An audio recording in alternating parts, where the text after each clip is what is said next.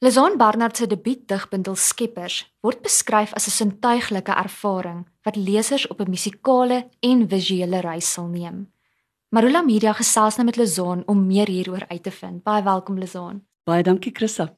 Skeppers is die titel van jou debuutdigbundel. Kan jy dalk uitbrei oor die proses en hoe die bundel uiteindelik saamgestel is? Ja, eintlik is dit verkeerd om dit te sê dis my bundel, alhoewel ek oral se loop en vertel ek het ook nou 'n bundel, want dit is so lekker om dit te sê.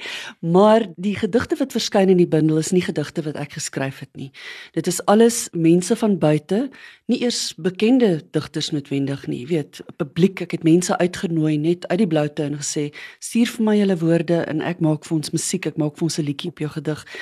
En so het die bundel ontstaan dan uit daai drie konserte se uh, gedigte wat ingeskryf is en wat ek dan getwinset het. Leson net om vir van die luisteraars agtergrond te gee oor hierdie uitnodiging. Jy het op Facebook vir jou vriende uitgenooi om hulle woorde vir jou te stuur en dan het jy dit getwinset. En dit het verlede jaar met die aanbreek van die inperking gebeur rondom daai tyd het dit die eerste keer. Ja, presies net mooi daai begin met die inperking. Ek dink ek het so bewus geraak van die van die moontlikheid dat 'n mens dalk nooit weer op 'n verhoog gaan verskyn nie. Jy weet ek meen mense het begin om kospakkies en goederes te versamel. Mens weet nie hoe lank is jy daar ingeperk nie. Toe ek 'n vreeslike begeerte begin ontwikkel om om hande te vat met mense om te sê ek is ook nog hier, is jy ook nog daar. Jy weet min of meer so 'n ding van die mense wat op die stoepe vir mekaar gesing het en so. So dit is waar uit dit ontstaan het. Toe ek die uitnodiging gerig aan mense en gesê stuur vir my jou woorde dan doen ons iets saam. Vertel my meer oor die dieper betekenis van die titel. Wat beteken dit vir jou, Skeppers? Ek dink omdat ek myself van kleins af, ek weet ek het op 5 begin met klavierlesse, so my hele lewe was altyd musiek en om te skep, liedjies te skryf en mense te begelei wat sing of al my vriende was kunstenaars en so so ek het 'n baie groot respek vir mense wat uit niks uit iets kan skep en ek besef ook dit is 'n talent wat 'n mens kry by die Here. Maar wat jy dan daarmee doen, jy weet jy kan dit terop bouing of jy kan dit gebruik hoe jy wil en dit is dis 'n wonderlike ding daarvan om te skep. Is daar 'n sentrale tema of een hooftema wat vir jou uitstaan dat hierdie gedigte saambind of is dit eintlik 'n uiteenlopende samestelling van onderwerpe? Ek dink wat ek moet sê is wat in die eerste plek vir my uitgestaan het is dat mense hulle diepste gevoelens met my gedeel het. Jy weet dit het vir my eintlik ek het geskrik aan die begin want ek het net besef ja ek moet versigtig trap hier so ek moet baie mooi werk met mense want hulle kom hier met hulle diepste diepste gevoelens en jy weet begeertes en geheime amper. So daar was wel dinge wat uitgestaan het in die eerste woorde program was dit meer net mense wat nou bewus is van die feit dat hulle ingeperk is. En met die tweede ene was dit baie meer mense wat begin praat het oor waarna toe hulle wil gaan, jy weet hulle, die vryheid om weer vry te wees was was 'n belangrike ding en ook met die derde ene was dit amper meer dieper persoonlik begin gaan, jy weet veral mense wat skuldig gevoel het oor dinge of wat iets wil regmaak wat verkeerd was, verhoudings, daai tipe van ding. Wat bedoel jy wanneer jy sê die bundel is 'n sintuiglike ervaring en dat dit mense op 'n reis gaan neem? Kan jy dalk vir ons kortliks iets hiervan hmm. vertel? Ek het altyd skilders beny omdat hulle kan besig wees met hulle werk terwyl hulle na mooi musiek luister. Maar as jy besig is met musiek, dan kan jy nie sit en kyk vir 'n skildery terwyl jy skryf of note lees of so nie.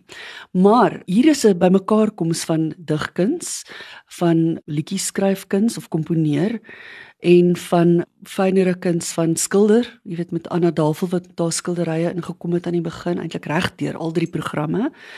En dan het ons nou vir die bundel vir oulaas het ons ook fotograwe ingebring. So ons het nou die ding uitgesit en gesê fotograwe stuur gerus julle foto's wat gaan pas by die onderskeie gedigte. So dit was 'n fantastiese net om te sien hoe mense saamspeel en inkom in die entoesiasme. Dit was absoluut fantasties. So jy gaan na hierdie boek toe en jy gaan jou gedig lees terwyl jy gaan kyk na 'n beautiful foto en dan kan jy ook luister aan die musiek terselfdertyd. So jy gaan regtig al jou sintuie kan inspann om dit te geniet.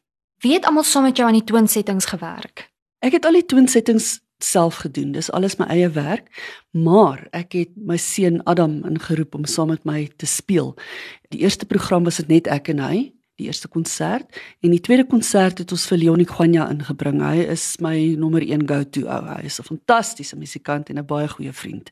Ook 'n vriend vir Adam. So die drie van ons het die program nommer 2 se musiek ek het dit verwerk vir drie musikante en dan die derde een het ek gaskunstenaars ingebring Helena Hetema, Lauren Elers en ehm um, Winnie Enrico op drome. Jy weet ons was 'n hele klompie sterk musikante op die verhoog vir daai konsert gewees en optog het dit opgeneem en dit is ook waar Marula Media betrokke geraak het en gesê het kom ons maak 'n kompetisie en ons sê vir die mense skryf spesifieke gedig oor wanneer ek jou weer sien.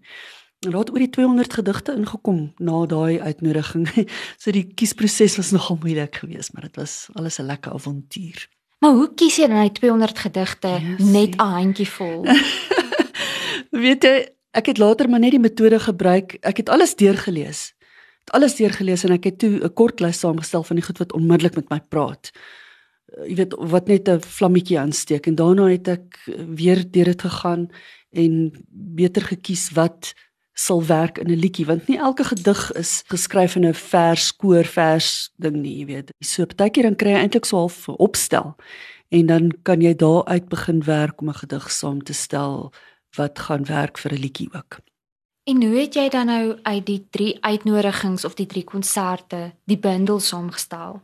Naledi is die uitgewers wat dit saam met my doen. Hulle het my eintlik uitgenooi gesê, "Luister, wil jy nie 'n bundel maak nie?" Ek sê, "Ja, asseblief." Ek was so opgewonde want dit was iets wat ek ook baie graag sou wou doen en hier kom hulle toe met 'n uitnodiging.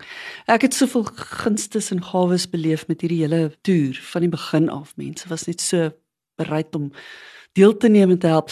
Ja, so ons het besluit om die boek in te deel in die 3 hoofstukke om die drie konserte, jy weet presies af te baken, ook in die volgorde waarin die konsert plaasvind. So as jy jou oorfone opsit en jy druk die knoppie vir woorde nommer 1, dan gaan jy daai liedjies in 'n volgorde kry soos wat dit in die boek verskyn.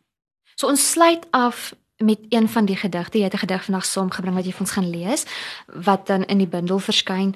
Waaroor gaan dit en wat maak dit vir jou so spesiaal? Die gedig se naam is Stilte en dit is geskryf deur Jan Prinsloo. Hy is die pa van twee van my leerlinge wat by my klavier neem kinders. Ek het onmiddellik ontsaglik baie van hierdie gedig gehou omdat dit gaan oor stilte. Stilte is iets wat vir my ontsettend waardevol is oor my lewe omdat ek altyd besig is met klank. Die gedig gaan daaroor dat ons in 'n toestand is van geraas op hierdie aardbol. Ons is elke dag blootgestel aan 'n verskriklike impak van klank en wat meestal nie mooi klank is nie. En dan met die inperking, ewe skielik raak dinge stil. En ewe skielik kom jy agter daar is iets wat kan begin gebeur in hierdie stilte. So die gedig het baie tot my gespreek en ek lees dit baie graag vir julle voor. Stilte. In die ritmiese pols van tyd en plek is rym en rede jou sielsgenoot. 'n Maat wat 4-4 jou denke bedek en jou noot vir noot vorentoe stoot. Maar as die stilte kom en jou hier kry en jy effens verdwaas, verward, verstar, kom die fluister in jou by die raas verby. Kom is en wees tot voor uit die war. Verstom sluit jy jou met grendels in, sit die klanke af en laat die niks begin. Soos die wemel van woorde van buite verdwyn, kom 'n veraf bekende almeer te voorskyn. En nou is dit jy en die stem in gesprek oor wat eens was en weer kan voltrek. En dit wat jy tot die mensdom kan bring, word stukkie vir stukkie gestalt in 'n sin of 'n frase of dalk net 'n woord wat in kleur of klei of klank behoort. En as die stilte jou dan eensklaps verlaat, los dit jou totaal behep met sy laaste bevel. Jy's hier om te skep.